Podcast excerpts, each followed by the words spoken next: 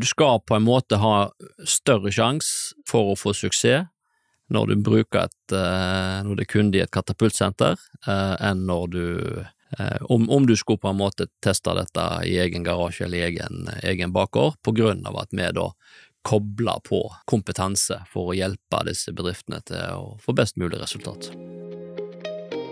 Da lytter du til Sunnhordlandpodden, en podkast med fokus på å framsnakke og heie på folk som brenner for noe her i Sunnhordland.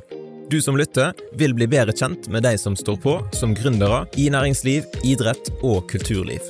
Målet mitt er at podkasten skal bidra til en framsnakkingskultur, bulyst og økt kjennskap til alt det spennende som skjer i Sunnhordland. Vil du vite mer om podkasten og hvordan du eventuelt kan bli en samarbeidspartner? Sjekk ut sunnhordlandpodden.no. Og jeg setter stor pris på om du er med og deler podkasten med noen som du tror kan ha glede av den. Nok om det. Her er dagens episode.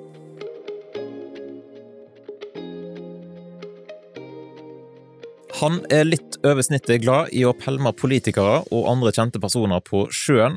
Han leder et selskap her på Stord som jobber nasjonalt og internasjonalt med den grønne omstillinga i næringslivet. Hva det handler om, da skal du som lytter få høre mer om i denne episoden. her. Velkommen til Sunnmørpodden, Willy Vågen. Tusen takk. Du leder rett og slett eh, Sustainable Energy Norway Katapult Center. Er det ja. sånn dere sier det, sånn cirka? Ja, vi kaller oss for Katapulten eller Katapultsenteret, eller ja, Sustainable Energy, ja. Kort fortalt, dere, hva er det dere jobber med? Nei, vi hjelper bedrifter.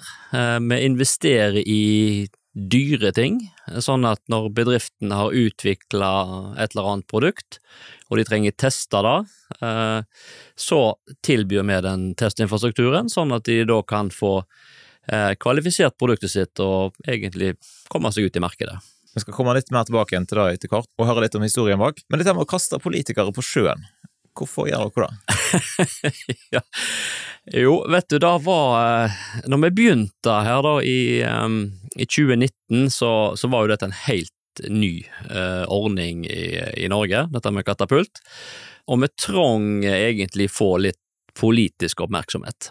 Og så eh, var vi da et katapultsenter, og så begynte vi å tenke hvordan skal vi få til denne her politiske oppmerksomheten. Og da eh, kom plutselig ideen om at eh, hva hvis vi da lager en katapult eh, som vi transporterer ned på Arendalsveka, som er da politikerne sin eh, Roskilde-festival, og inviterer stortingspolitikere til å prøve denne her, da. Så vi fikk han og satt den i produksjon og, og, og mm, lagt, og så sendte vi da invitasjon til alle partier på Stortinget. Og så fikk vi nei, og så fikk vi nei, og så fikk vi nei. Og så plutselig så eh, var det en fra Venstre som sa ja, dette her, det da vil jeg. Og så eh, kom det en fra MDG som ville. Til slutt så ble det sånn at ja, er vi det eneste partiet som ikke skal stille på, på katapultutskyting? Og det er klart, dette gikk jo som en farsott, sant, for det, det, det, var, det, var, jo litt sånn Du sier ikke ja takk med en gang til å bli sluppet på seks meter over havnivå, og så liksom sånn på en, eh, på en politisk eh, arena, uh, så vi fikk jo enormt med, med, publisitet, og etter det så var det ingen som ikke visste hva katapult var. Så det var jo, var jo litt gøy. Jeg husker jo den gangen han uh, klima- og miljøministeren kom, kom jo med traff på han i gata, jeg hadde aldri hilst på han før, og han med en gang så sier han bare ja, det er du som har katapulten, sant, så, det, så det var liksom virkelig sånn at vi da fikk sett oss på kartet på en, ja, på en litt sånn humoristisk og annerledes måte, da. Hvem var den aller første som testa denne her eh, som dere hadde bygd? Altså, Noen må jo ha liksom ok, dette skal vi se om funker. Ja, eh, nei, klart, vi, vi, var jo litt eh, vi, vi, driver jo med testing, så, så det, er jo, det, er jo, greit. Så vi, vi testa den jo først med noen sandsekker på, på, land. Og så fikk man transportert ned til Arendal, og så hadde vi egentlig da alliert oss med noen eh, sånne dødsherre, sånne dødsklubb i, eh, i Kristiansand. Så de, de, de, var jo for så vidt klare. Så det var greit å prøve det først på noen som visste hvordan de skulle fyke. altså du stilte ikke sjøl til disposisjon, liksom? Eh, nei, ikke helt til å begynne med. det var greit å ha noen som visste hvordan de kunne håndtere seg i lufta. Men, men det som er da, når vi holdt på å rigge opp denne katapulten, Så, så vi trenger jo strøm, og vi trenger jo uh, mye greier, uh, egentlig, på, kai, på, kaien der. Så det var en sånn, en sånn rigge, et sånt riggefirma, en sånn uh, fyr som for rundt der med, med sånn etthjuling, sånn elektrisk, og kom med skøyteledninger og, og tilkobling og alt som vi trang. Og så sa han 'den der, der, den må jeg prøve'! Og så ja da, kan du jo få lov til. så, han, så, han, bare tok ut av avbiter og skrujern og mobiltelefon, og så for han av gårde i arbeidsbuksa. og, og, og, landa helt perfekt. Og da, da kjente jeg ok, dette her, da, da, da virker nok. Og så kjørte vi noen runder med disse dødserne etterpå, da, og, og vi har jo vi har jo skutt ut mange nå, eh, på ulike arrangementer, eh, sånn at eh, nå er det på en måte mer et well proven, eh, eller et eh, godt utprøvd produkt. da. Er det noen du har syntes har vært kjekkere å kaste på sjøen enn andre? Ja, nei, jeg vet ikke, da er vel ganske, ganske jevnt. Eh, men det er klart, det er kjekkest med de som du ser virkelig kvir seg, eh, og så eh, får de en litt sånn euforisk opplevelse og kommer opp igjen og liksom med nevene i været. Så, så det er kanskje den kategorien folk som, som jeg syns er kjekkest. Vi hadde jo faktisk en Det var en sånn super surprise. Um, det var ei gruppe med folk da ifra, ifra disse her vi, har, vi, har, jo flere katapulter i Norge, så det var noen søsterkatapultbedrifter. Og der var det en kar, en uh, ja, godt voksen, 65 år vel, og han setter seg opp i katapulten. altså, Vanligvis så går du med beina først, sånn at du får en fin, fin bue, men han satte seg framlengs og lurte på hva i alle dager er dette for noe. Og han, nei, han ville helst, han foretrekte det. Og vi var veldig i tvil hvordan dette kom til å gå, eh, men det viste seg at han var jo en akrobat av dimensjoner i lufta, og liksom fint knakk over i stup, militærstup og rett ned. Så da det var sånn der, eh, Så det, det vært mange morsomme egentlig episoder med den katapulten. da. Dere har ikke vurdert utleie til eventbyrået på Stord, liksom? Nei, vi har ikke det. Eh, vi har på en måte hatt litt sånn at vi, vi ønsker å bruke den eh, der vi eh, møter forretningsforbindelser eller sånn, altså ikke med, sånn at vi ikke på en måte starter tivoli. Av det. Ja. Hva betyr katapultsenter, da? Altså, greit at den illustrerer litt, eller, eller setter liksom katapultordet, men hva, hva, vil det si at dere er et katapultsenter? Eh, katapult er jo navnet nok valgt for at en skal hjelpe bedrifter raskere, altså raskere ut i, eh, ut i markedet. Men eh, sånn, det vi gjør da, er at vi investerer i, i utstyr og test, testinfrastruktur og det gjør vi med Vi har jo da en kontrakt med, med Siva gjennom Næringsdepartementet, som, som på en måte vi, vi, administrerer de midlene, og så investerer vi da i lag med industrien. Eh, og denne infrastrukturen som da blir investert i, eh, den er da åpent tilgjengelig for alle bedrifter i Norge. Sånn at eh, hvis du da har utvikla et produkt eh, i, i, i, garasjen din, da, eh, og ja, har pansret huset for å få dette her på plass, eh, og så tenker du nå, nå, nå må jo folk komme og kjøpe, kjøpe dette produktet, og så finner du ut at ja, nei, jeg må nok bevise at dette virkelig virker. Eh, I tøffe forhold og eh, i, i, i ulike kombinasjoner, og da finner du ut at ja, hvis du da har brukt en million, da, så finner du ut at det utstyret du trenger for å bevise dette, koster kanskje fem millioner. Akkurat der og da så er den ideen din død. For da har du ikke løfteevne til å få den ut i markedet. Eh, så det som Katapultsenteret gjør, da, de har jo da allerede kjøpt dette til fem millioner, og så kommer du der med, din, eh, med ditt produkt, og så leier du deg plass eh, relativt billig, og så er du på en måte ut i markedet. Så det handler om å ta ned terskelen for at nye produkter og løsninger skal komme seg ut i markedet. Vi tar et lite steg tilbake igjen, da, for at folk skal bli litt kjent med, med hvem du er. For de som ikke kjenner deg, uh, fortell litt om hvem du er. Ja, uh, da er jo et uh, godt spørsmål. Stort spørsmål. ja. nei, jeg er jo en mann, gift, to barn. Jeg liker å engasjere meg i, i ulike ting. Um, Syns det er kjekt å få til ting. Sivilingeniør av utdanning, har jobbet egentlig i industrien hele livet. Uh, alt ifra begynte yrkeskarrieren i Aker, uh, vært innom Wärtsilä, uh, og så var jeg da to år i en gründerbedrift som heter Corvus, som leverer batterier til maritim næring, før jeg da begynte på dette her prosjektet her, da, som er Katapultsenteret. Har hørt rykte om at du er en engasjert hummerfisker? Ja, det er jeg. klokka 08.00 1. oktober så er jeg som regel ute og setter noen teiner, ja. Vi hadde jo åpning av testsenteret faktisk uh, eh, 1. oktober, og da, og da var jo Erna Solberg statsminister den gangen, og hun skulle jo da komme kvart over ni, så da, da kom jeg rett ifra hummerbåten og, og, og, møtte Erna Solberg for, for å ta åpning og, og knor, snor, snorklipping oppe på, oppe på senteret. ja da. Men er det masse hummer i da? Ja, nei, det er jo altså det, det, er vel, jeg vet ikke. Eh, det har nå vært ganske stabilt. Årets sesong var vel kanskje den beste på, på lenge. Eh, det er klart, jeg har jo ikke tid til å gå ut hver dag, eh, men, men jeg synes det er en veldig fin aktivitet på, på høsten, liksom når sommeren er på hell, og det, du kommer deg på en måte ut ut i, i, elementene eh, når du ellers ikke ville gjort det. Eh, så da, da er kanskje det jeg liker mest med det. Ja. Hvordan er det med jakt? Ja, jeg driver jo litt med, med rypejakt, så jeg pleier iallfall å ha minst én eller to turer på det i året. Og så eh, driver jeg jo litt med hjortejakt eh, i tillegg, da. Er det her i Sunnhordland, eller reiser ja, da, eh, da, hjorten, hjorten den jakter jeg på, på Stord, ja. I dag så har ikke episoden en sponsor, så derfor legger jeg inn litt egen reklame. Har du behov for hjelp til innholdsproduksjon? Foto, video eller kanskje en podkast? Da kan det hende at jeg, lekende lett, kan hjelpe deg.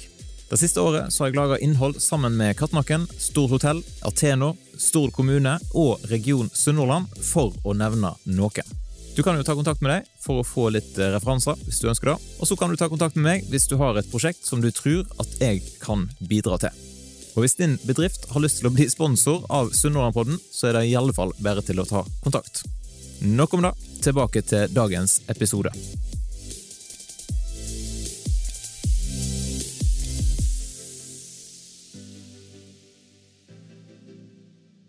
Snakk med noen, de mente at du har satt lokal sunnhordlandsrekord i pizzabaking i en italiensk eh, sånn pizzaovn som du har hjemme. Ja, litt usikker på tid den rekorden ble satt, men uh, det må kanskje være Vi arrangerte en sånn uh, tur uh, der vi gikk Stord på langs. Um, vi heiv en femmer i på Osterneset, og så gikk vi helt sør da til Kjørsholmane. Um, var vel 2-43 kilometer, så en, en maraton via Myanmar Soto. og da når vi kom fram der da var vi vel en jeg tror vi var en 25 stykker som gjennomførte det. Eh, da lagde jeg pizza til hele gjengen eh, etterpå. Det er såpass? Ja. Hva er dine beste pizzatips, da? Ja um, Nei, jeg, når jeg begynte med dette her, så var, var jeg jo veldig sånn uh, Studerte mye og fant fram til napolitansk deig og hevte den i tre dager og litt sånn. Ehm, men eh, ja, litt mer uh, laidback nå. Uh, setter gjerne deigen samme dagen. Uh, men det er klart, det der å ha den vedfyrte pizzaovnen der du får opp temperaturen til 450 grader, ehm, så, så gjør det veldig mye seg sjøl. Så gode, gode, enkle ingredienser funker egentlig helt fint. På fritida så har du òg verv i Redningsselskapet. Ja. Hva brenner du for der? Nei, det er klart det er jo et privilegium å få være med og redde liv på sjøen. Uh, og det er klart deres uh, hovedmotto er jo at ingen skal, ingen skal drukne. Uh, så, så da, da, kjenner jeg at det da engasjerer meg, og er gøy å være med på at vi faktisk har en beredskap på Stord, eh, og egen skøyte på Stord. Så hovedgreiene som, som, jeg har vært med på og fått til der, er jo at vi, vi hadde jo egentlig en base på, på Eldøyane, var veldig lite synlig. Um, så men nå, men nå har vi jo da flytta til TISA-fabrikken på Lærvik og på en måte fått et helt annet utgangspunkt både for uh, markedsføring, rekruttering, aktiviteter og, og synlighet generelt. da. Fortell litt om hva, hva type aktivitet er det Redningsselskapet holder på med her? Nei, Redningsselskapet holder jo, mm, drifter jo ei skøyte, eh, RS Sunt, um, og så er det jo òg aktivitet for, for, unge, altså vi har jo RS Ung-lag, og vi har òg et sånt frivillig landlag som, som driver med, med, mer sånn generell eh, markedsføring av, av Redningsselskapet lokalt. I tillegg så har vi jo òg et uh, Vi har tatt et initiativ for, for, opplæring på sjøen. Så der driver vi med mm, høyhastighetskurs, uh, både på båt og vannskuter. Uh, I tillegg så har vi på en måte gått litt og liksom med bakgrunn for Redningsselskapet og, og, og trygghet og sånn, så har vi Eh, lagt et opplegg òg for båtførerprøven som, eh, som, går over flere dager, og som òg eh, innehar en, en, en, praktisk del. Det er en del av våre konkurrenter da, som tilbyr båtførerprøven sånn på en dag eller på en ettermiddag og sånn, men for oss er på en måte det du lærer veldig mye viktigere. Når, når du har tatt en båtførerprøve, så kan du egentlig kjøre rundt Lista midt på vinteren med en 50 fots båt, eh, og da mener vi at da, skal du òg ha en grunnleggende kompetanse, da. Eh, så derfor så går vi liksom litt mot strømmen, da, eh, og legger vekt heller på kompetansen enn en, en å på en måte bare få kommet gjennom en eksamen, da. Apropos det med fart, det var noe som heter at du er litt over snittet glad i fart sjøl? Ja, eh, det kan jo hende. jeg jeg har, eh, har, både motorsykkel og vannskuter, så eh, Og for så vidt eh, raske båter, så det, stemmer nok sikkert, da. Du sa at du var utdanna sivilingeniør? Ja. Du har tatt utdanning både her på Vestlandet og på Høgskolen i Narvik. Hva var det du studerte? Jeg studerte elektroteknikk, egentlig, så jeg er en elektroingeniør, da. Eh, så jeg gikk jo først i, i Bergen eh, i tre år, og så tok jeg da sivilingeniørutdanningen i, i Narvik. Og, og, Narvik var jo valgt litt, da, for den ligger jo, altså forelesningssalen eh, ligger jo ja, 100 meter ifra skibakken. Um, så hver gang det var nysnø, så var det tomt i forelesningssalen. så da, da passet meg ypperlig. Ski er jo en, en stor lidenskap, egentlig. Du har jo vært på en reise i industrien, i ulike, ulike jobber. Mm. Fortell litt om hvordan den, den reisa har gjort at du har havna der som du er i dag? Det har jo vært en veldig spennende reise. Eh, ifra når jeg jobbet i Wärtsilä som, eh, som, prosjektleder, sant? der det var prosjekter i hele verden. Alt ifra Iran, eh, Singapore Eh, Dubai, eh, rundt, rundt om alle, alle veier. Ehm, til at jeg da gikk over i, i Wärtsilä til å, å, egentlig bygge opp en helt ny avdeling som, het, som den gangen het Market Innovation. Ehm, og da gikk på å ta fram de gode ideene eh, som som ingen fikk tak i. Altså I store selskaper, altså her var det jo 19 000 ansatte, eh, så det er alltid mange som har gode ideer, kanskje nede på, på gulvet, for å fortelle det på den måten, Også, men de kommer på en måte aldri opp til toppledelsen der du får tatt beslutning på dette, for det er alltid en eller annen mellomleder som har en eller annen prioritering. Så da lagde vi et system eh, som vi den gangen kalte for Winno-booster, eh, der, der, da disse ideene kunne få lov å pitche til toppledelsen. De fikk fem minutter på å forklare hvorfor. Um, og hvis hvorfor var godt nok, så fikk de fri et halvt år til å utvikle ideen. Så, så det var liksom en, sånn, en måte å skape innovasjon og liksom, når vi holdt på med det der, så kjente jeg at dette her med, med nye ting, innovasjon, altså, det, var noe som virkelig, virkelig trigga meg, da. Du må fortelle litt om hvordan ble eh, Sustainable Energy AS, hvordan ble det til? Dette her var jo en, en eh, nasjonal konkurranse, eh, og det var jo Maritim Cleantech da, som, som førte i pennen denne søknaden da, om at, at Stord-miljøet burde med Maritim Cleantech kunne få katapultstatus. Um, den gangen så visste vel sannsynligvis verken eh, Maritim Cleantech eller, eh, eller, eller, Siva egentlig hva dette her eh, kunne eller kom til å bli, uh, men det var på en måte en utlysning om et forprosjekt. Uh, dette forprosjektet da, da fikk jo da Maritim Cleantech, Um, og jeg var uh, akkurat da ferdig i, uh, i, i en jobb. Um, jeg hadde jo en internasjonal jobb i, i batterileverandøren Corvus, uh, og var egentlig klar for å begynne på noe nytt. Og da var det jo Hege Økland, som var leder i Maritim Cleantech den gangen, ringte til meg og lurte på hei Willy, du har ikke lyst til å begynne på et prosjekt her?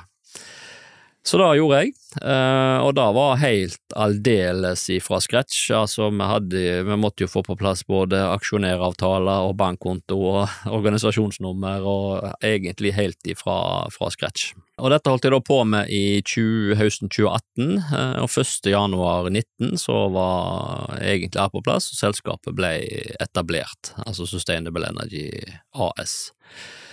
Og så eh, begynte jeg jo da reisa. Hvordan har det vært å være med å bygge opp et sånt uh, selskap? Nei, det er jo superspennende, egentlig, eh, å få være med på alle prosesser. Det er klart, eh, jeg hadde jo bakgrunn fra et større selskap, eh, og det er klart når du da er eneste ansatt til å begynne med, eh, så må du ha alle rollene i det selskapet. Når du skal ansette den første personen, så må du begynne å tenke på arbeidskontrakter og, og forsikring, og altså det, du må på en måte eh, fevne alt til å begynne med. Så, så, det er klart det er jo utrolig lærerikt, det er liksom ingen du kan gjemme deg bak, så jeg synes det er, er superspennende. Men det er klart, nå når vi kommet mer i gang og jeg på en måte kan jobbe mer strategisk, så er det andre som kanskje ligger, ligger, mitt hjerte nærmest. da. Så etter fem år sånn cirka nå, da, hvor, hvor langt har dere kommet? Altså, Hvor mange folk har du fått med? Ja, eh, nå er vi jo ti faste ansatte, og så har vi to eh, konsulenter som er sånn cirka tolv ansatte da, i, i, Sustainable Energy. Eh, men sånn som dette fungerer, da, så er eh, Sustainable Energy er, er liksom administratororganisasjonen, og så har vi tilknyttet oss da eh, kjernepartnerbedrifter eh, som har sin kompetanse og sin spesialitet. Så jeg tenker liksom, hvis du tar sånn generelt sett, så, så tipper jeg at vi omsetter vel, eller at vi engasjerer da ca. 100 personer i det vi, det vi holder på med nå. Uh, og vi hadde jo omsetning i fjor på ca. 100, 100, millioner, så, så det, det, begynner jo å, å, bli noe, dette her. da. Jeg var inne og leste litt på, på proff.no, og der står det at, eh, at, selskapet skal ikke dele ut utbytte, eller skal, ikke, mm. skal, egentlig ikke tjene penger, hvis jeg leste det rett? Ja, uh, vi er en uh, ideell organisasjon som, som, kun eksisterer for å hjelpe bedrifter. Sånn at hvis vi mot formodning skulle få overskudd, så går det overskuddet tilbake til eh, intensjonen med selskapet. Altså investere i mer infrastruktur, eller gjøre eh, mer infrastruktur tilgjengelig så billig som mulig for, eh, for industrien.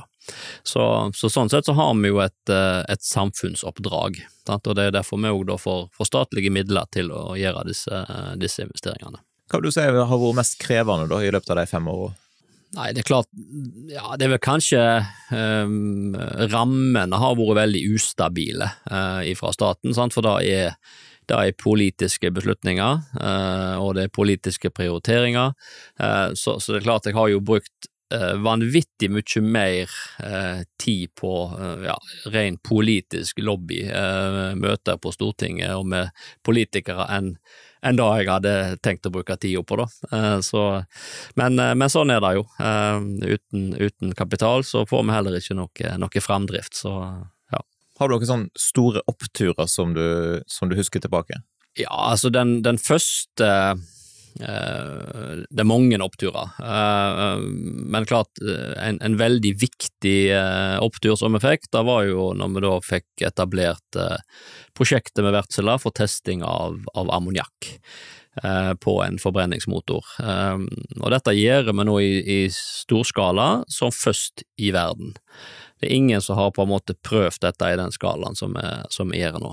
Og det er klart, da får du veldig mye oppmerksomhet, um, og når du da i tillegg har, har en verdensleverandør som Wärtsilä som òg markedsfører dette her, uh, og det er klart, da, da, vil, da, da satt oss for alvor uh, på kartet. Og så er det sånn da at uh, hvis du skal forklare litt mer hvordan vi jobber med en med en sånn case, så har jo på en måte Wärtsilä tenkt på alt inn i sin motor, men det er jo for at den motoren skal få, få drivstoff og gass og ammoniakk, som har gått på i dette tilfellet, så er det kanskje 100 andre komponenter som må leveres.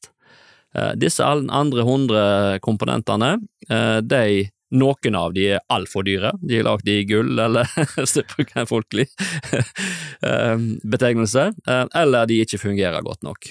Og alle disse her da, som vi da finner som ikke fungerer godt nok eller er for dyrt, da kan vi utfordre småbedrifter, eller teknologibedrifter. Kan dere lage dette billigere, kan dere lage dette bedre? Og hvis de klarer det, da, så har de plutselig også fått seg en markedskanal ut i verden. For når Wärtsilä skal ut med denne motoren sin på skip i hele verden, så trenger de alle disse andre komponentene. Um, vi hadde jo en, en, helt sånn konkret sak der uh, det, det, er jo gass de går på, disse motorene, uh, og, og ammoniakk er jo egentlig flytende, og så blir han lagt om til gass. Og i en sånn prosess så er det alltid det er litt dråper inni denne gassen mens den eh, gassen som denne motoren skal ha, måtte være helt fri for dråper. Så da var spørsmålet hvor hen får vi tak i en dråpefanger for ammoniakkgass? Nei, det har ingen lagd før, ikke sant? Så, så, så vi, vi, dukker opp i sånne, sånne, sånne vi kaller det for en spin-off, da, altså prosjekter eller utfordringer eller gap i verdikjeden som, som må løses. Så, så, det her kan du egentlig få forretningsideen servert på et uh, sølvfat hvis du er villig til å gå inn i det. Hvordan vil den jobben som dere gjør, da bidra til det grønne skiftet på sånn generell basis? Ja, det er klart vi kvalifiserer jo mye ny, ny teknologi. Eh, Ammoniakk eh, som sådan er jo et av de eh, eh, fremtidige drivstoffene som, som vi ser på i maritim sektor. Eh, så vi kvalifiserer jo da forbrenningsmotor på ammoniakk. Vi har prosjekter som går på brenseceller, som går på ammoniakk og hydrogen. Det siste nå er jo eh, krekkerteknologi. og det er Ja, det eh, Ammoniakk består jo av eh, nitrogen og hydrogen, eh, og når du da krekker da, som de sier da, så, så deler du hydrogen og nitrogen for seg. Så vi har nå blant annet et, et amerikansk selskap som er inne og, og tester denne, denne krekkingteknologien sin, da. Um, og det er jo superspennende, syns jeg, og det beviser at vi er verdensledende, fordi at når, når en amerikansk leverandør uh, har lett i hele verden etter, etter, en eller annen plass der de finner nok kompetanse, nok ammoniakk og nok strøm til å gjøre testen sin, så ender de opp uh, på heiene. Uh, og da, da, er, da er kjempekult. Dette med grønt drivstoff til skipsfart, hvorfor er det så viktig? I dag så går jo skipa på uh, flesteparten på tungolje, eller det er vel nesten asfalt. Uh, det er noe med det verste du kan sette fyr på i forhold til forurensning. Um, og, og, skal vi på en måte nå forpliktelsene våre i Parisavtalen og få ned CO2-utslippene globalt, så er vi nødt til å løse òg uh, skipsfarten.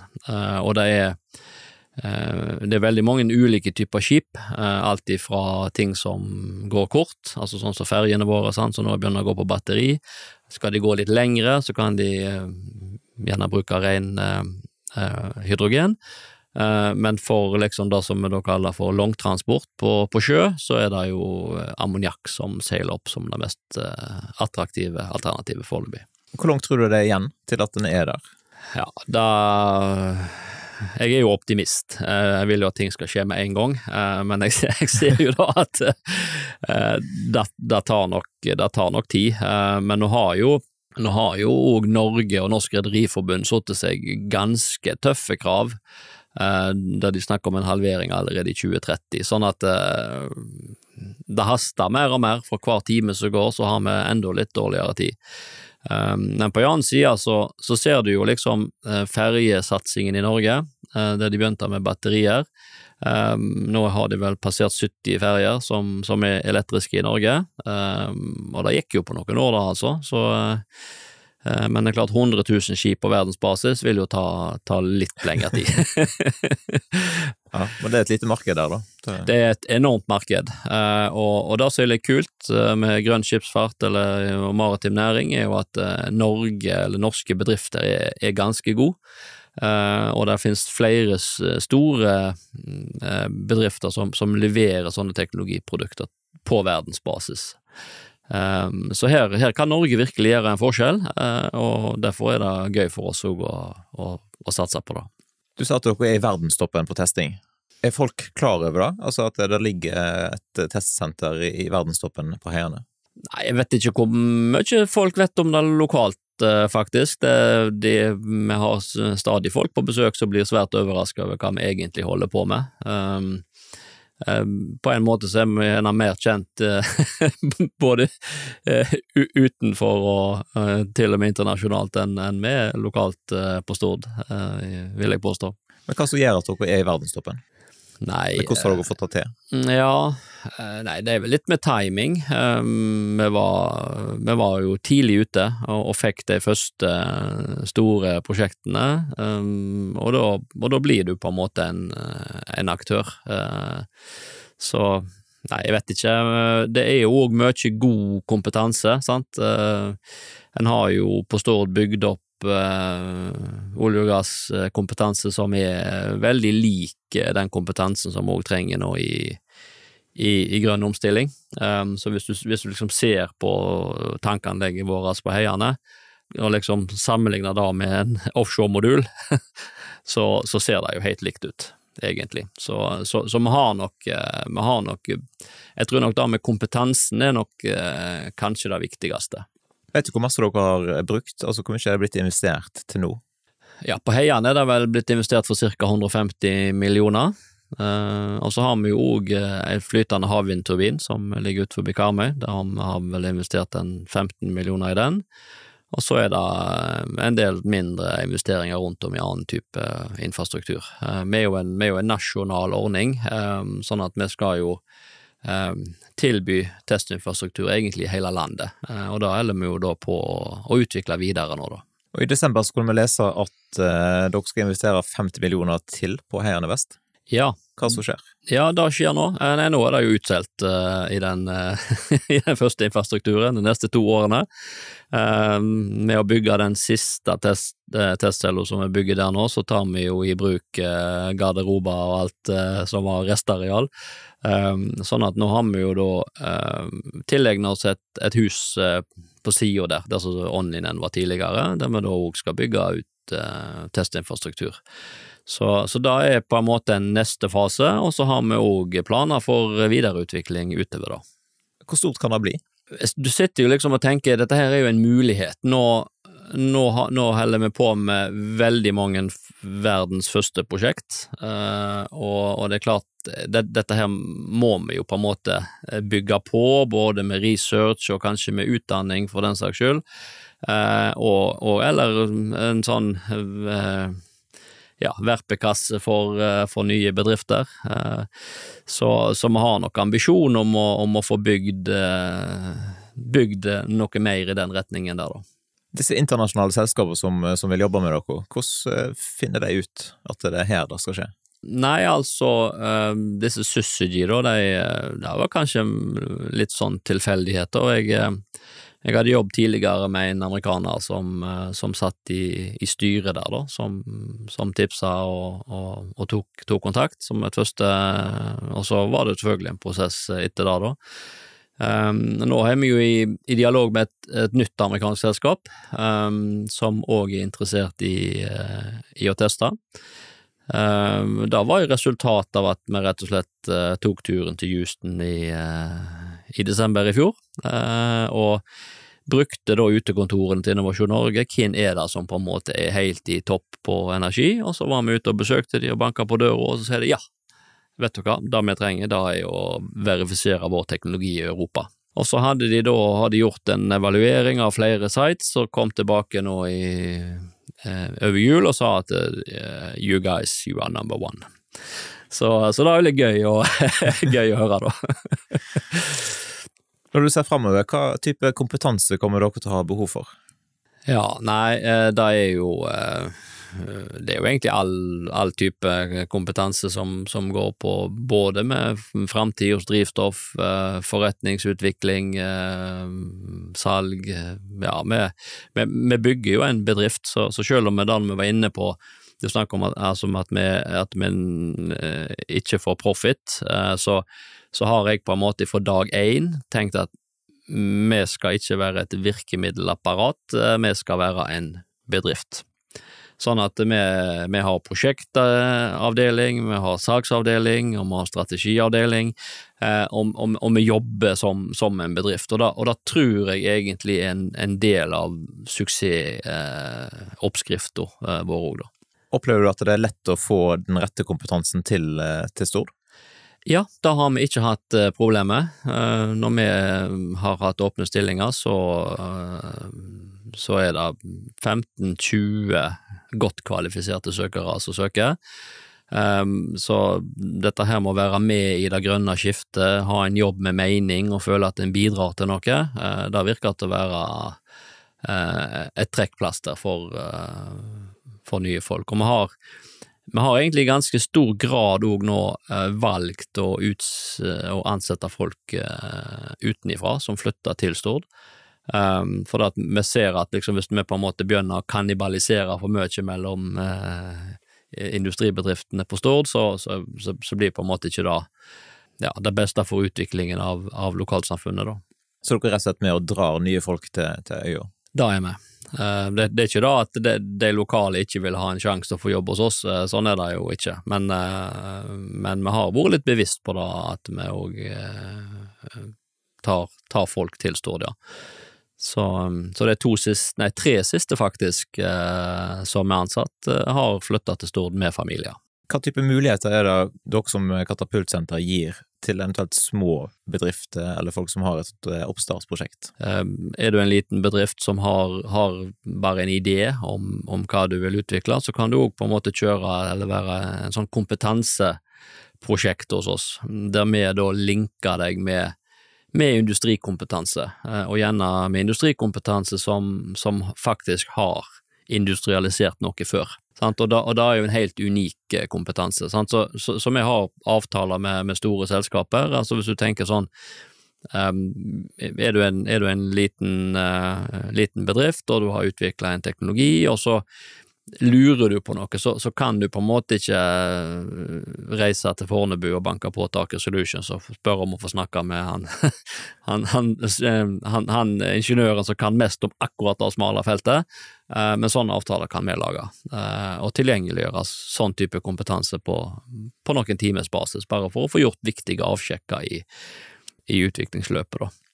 Så, så, liksom, du, du, skal på en måte ha større sjanse for å få suksess når du bruker et eh, når det er kunde i et katapultsenter, eh, enn når du eh, om, om, du skulle på en måte teste dette i egen garasje eller egen, egen bakgård, på grunn av at vi da kobler på kompetanse for å hjelpe disse bedriftene til å få best mulig resultat.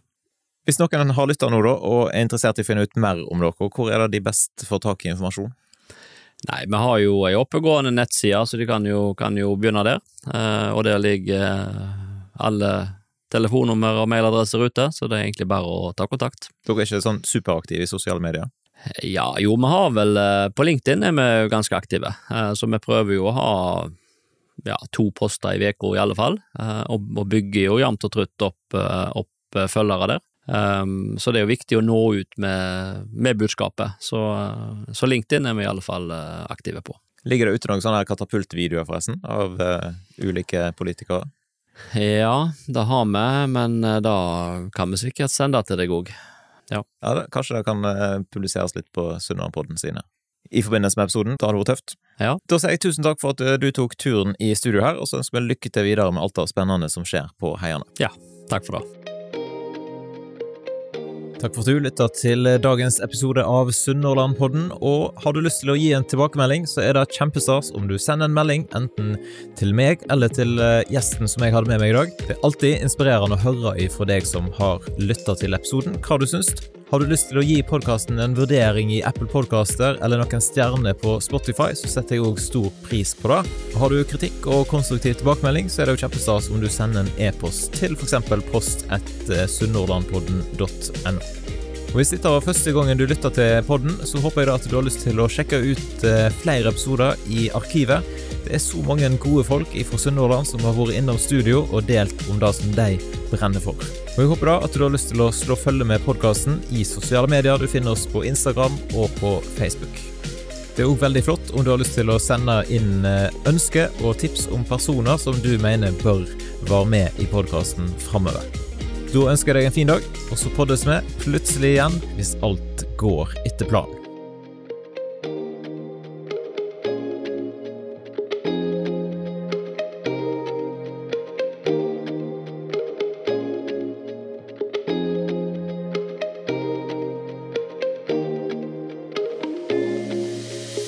Podkasten er produsert av Kjetil Fyllingen.